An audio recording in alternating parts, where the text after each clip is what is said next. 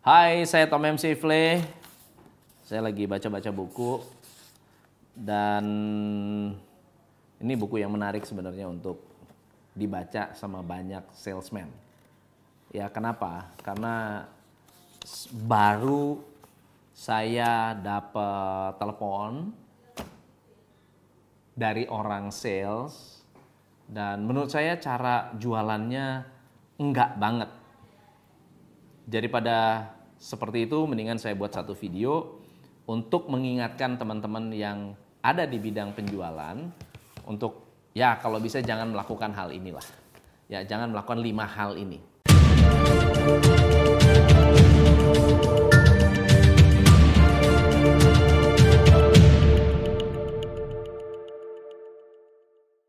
Ini adalah lima hal yang bikin customer itu males untuk belanja. Males ketemu Anda, males untuk bisa berinteraksi lagi dengan Anda. Kalau nomor telepon Anda muncul, dia akan reject atau dia nggak angkat. Nah, lima teknik ini adalah lima teknik yang jujurnya digunakan oleh banyak orang. Dan lima teknik ini, kalau Anda lakukan, customer bukan hanya tidak suka, tapi akan menambah ketidaksukaannya terhadap produk yang Anda jual.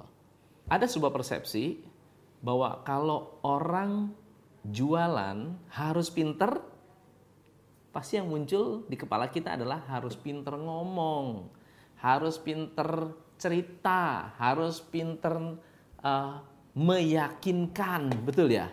Kenyataannya salesman yang bagus itu bukan yang pinter ngomong, tapi pinter tanya. Bukan yang pinter bicara, tapi pinter bertanya. Nah banyak salesman itu nggak bisa berhenti ngomong. Kita nggak dikasih kesempatan.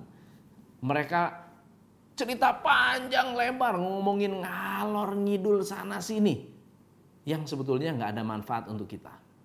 Dan kejadian ini membuat orang yang dengar orang yang ketemu Anda lama-lama ngelihat, aduh saya kok ngapain yang buang waktu ketemu sama dia, menceritakan tentang diri dia, menceritakan tentang sesuatu yang nggak ada hubungan dengan kita, lalu kemudian mau dipaksa closing. Ya, saya baru ketemu dengan orang asuransi, saya baru ketemu dengan insurance yang telemarketing via telepon, dan wah ngomongnya banyak banget tapi menurut saya itu enggak menurut saya kurang oke okay, ya bikin orang ilfeel nah yang kedua ada sebuah persepsi di mana orang sales itu harus pinter meyakinkan. Nah, benarkah kita bisa meyakinkan orang? Kalau ada orang yang tidak mau membeli anda meyakinkan sampai dia mau apakah itu memungkinkan? Pengalaman saya it's not possible. Enggak bisa kita meyakinkan seseorang yang tidak mau menjadi mau kecuali dengan dua cara. Memaksa atau memelas. Kalau enggak memelas, memaksa. Akhirnya orang mau.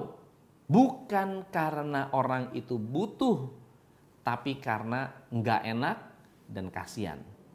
Jadi supaya anda tidak perlu meyakinkan, Anda harus tahu kebutuhan.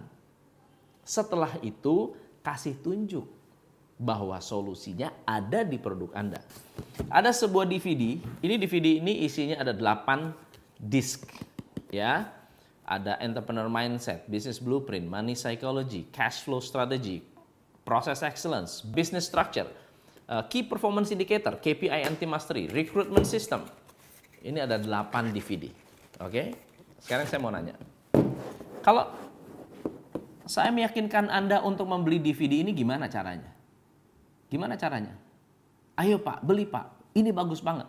Keren banget. Luar biasa. Akan sangat-sangat sulit sekali. Apalagi harganya mahal banget. Apalagi harganya mahal banget.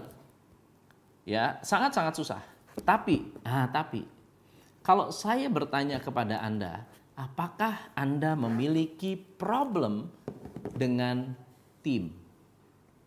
Kalau Anda jawab yes, lalu kemudian saya tanya lagi, apakah Anda memiliki struktur organisasi yang benar. Kalau Anda bilang, waduh, saya nggak tahu benar apa enggak. Lalu saya bilang, gini Pak, di disk 6 saya mengajarkan bagaimana cara menciptakan bisnis structure yang benar. Tujuan bisnis structure adalah agar Bapak bisa menguasai profit max. Bisnis structure mendukung profit Anda. Salah struktur, bisnis Anda akan salah, tidak efisien. Ya, bolak-balik kerjanya. Tapi bisnis structure ini bisa mengajarkan Anda untuk membuat struktur bisnis yang lebih efisien. Apa bedanya? Dengan saya meyakinkan Anda beli, dengan saya memahami apa problem Anda, lalu kemudian saya menunjukkan apa yang ada di dalam produk saya. Sangat beda. Kenapa? Karena Anda akan memutuskan apakah Anda punya kebutuhan dan merasa ini adalah the best solution atau tidak. Yang ketiga, berapa banyak salesman yang jual diri? Mereka banyak menceritakan tentang dirinya sendiri. Mereka menceritakan tentang backgroundnya, pengalamannya, ya kehebatannya, mungkin pendidikannya, sertifikatnya, pernah ketemu siapa. Yes, Kadang-kadang yang namanya pengalaman itu penting. Tetapi customer selalu akan memiliki satu pertanyaan di kepalanya. Pertanyaannya adalah what's in it for me? What's in it for me? Kamu cerita tentang background kamu. What's in it for me? Kalau Anda adalah seorang dokter, cerita saya ini pendidikan di sini, saya sekolah di sini. So what's in it for me? Anda adalah seorang salesman. Anda cerita background Anda. What's in it for me? Kalau nggak ada hubungannya, nggak ada untungnya buat customer. Cerita Anda tidak ada artinya. Berarti jual diri Anda akan membuat customer malas beli. Yang keempat, jual mahal. Ini kisah nyata. Ada satu kejadian begini. Ada orang yang saya ajak kerjasama. Jadi ceritanya ada seorang motivator, oke? Okay? Boleh dikatakan motivator baru, baru bergabung atau bergelut di dunia motivasi. Anaknya masih muda, uh, baru lulus tahun 2013-2014, mengikuti Neurolinguistic Programming di Australia, pulang ke Indonesia lalu kemudian uh, ngobrol dengan saya. Lalu saya bilang, "You bisa apa?" "Oh, saya backgroundnya ini, saya backgroundnya ini, saya backgroundnya ini." Dia ceritakan background dia adalah uh, pendidikannya adalah engineering, lalu kemudian dia juga mengerti dan menguasai operational excellence. Lalu kemudian dia bilang, "Saya baru belajar uh, neurolinguistic programming sampai master level dan belum praktek sama sekali, tetapi dia merasa, merasa, ini baru perasaan, bahwa kalau dia memberikan motivasi dan kalau dia memberikan uh, coaching, hasilnya pasti bagus. Oh, gitu kan?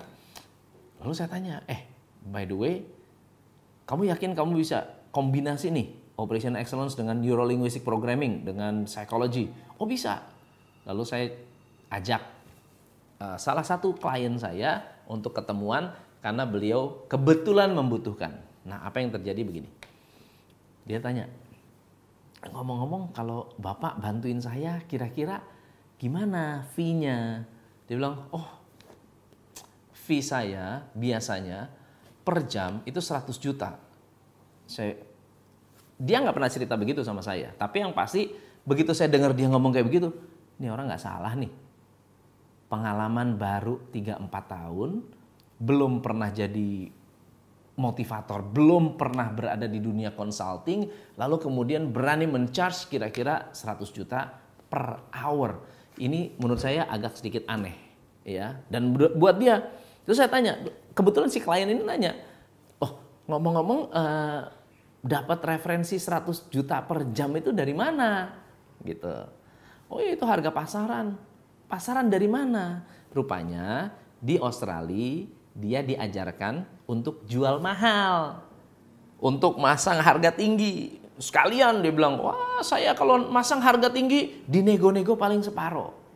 Lumayan juga ya, 50 juta.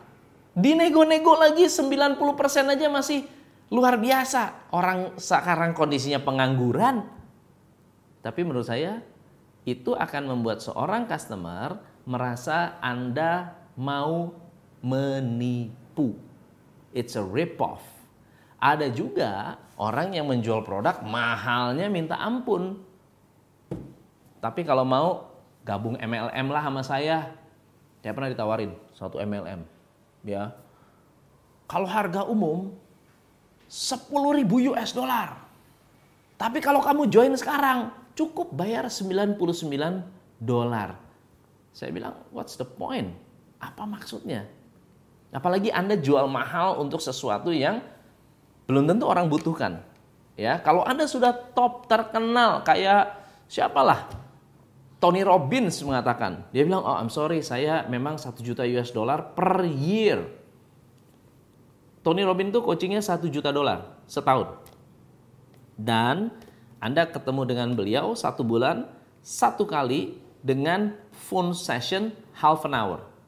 Jadi 12 kali ketemu, 12 kali phone session dengan Tony Robbins. Which is itu dipakai nggak? Dipakai. Banyak nggak yang mengambil? Ada. Yang punya duit, tapi kita udah tahu kualitinya Tony Robbins kayak apa. Nah, yang kelima adalah janji palsu.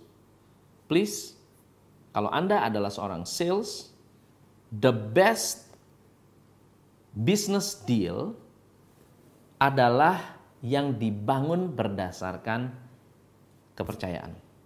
Basically, business is trust.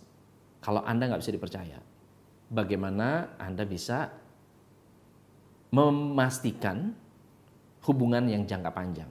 Apalagi kalau Anda jualan janji palsu, janji surga, nggak ada yang bisa Anda penuhi, lalu kemudian suatu hari Anda ditagih, kita nggak bisa penuhi, Anda nggak bisa dipercaya seumur hidup. Teman-teman, kalau ini adalah sesuatu yang menurut saya penting untuk Anda, ini adalah pengingat uh, download video ini, berikan kepada salesman-salesman Anda, izinkan mereka untuk melihat, menyaksikan, dan menyebarkan idea ini agar tidak perlu lagi ada orang yang bilang, saya nggak mau terima telepon dari kamu lagi. Meskipun nggak diomongin, ini nggak akan uh, meskipun dia tidak ngomong langsung, tapi menurut saya banyak orang yang tidak mau terima telepon dari salesman karena satu dari lima hal ini terjadi atau dilakukan oleh para salesman di luar sana. Thank you so much. Semoga bermanfaat. Jangan lupa share, like, and subscribe. Pencet bell notification supaya Anda menjadi orang yang pertama mendapatkan video dari saya. Saya Tom MC Fle, salam pencerahan. Hanya di Top Coach Indonesia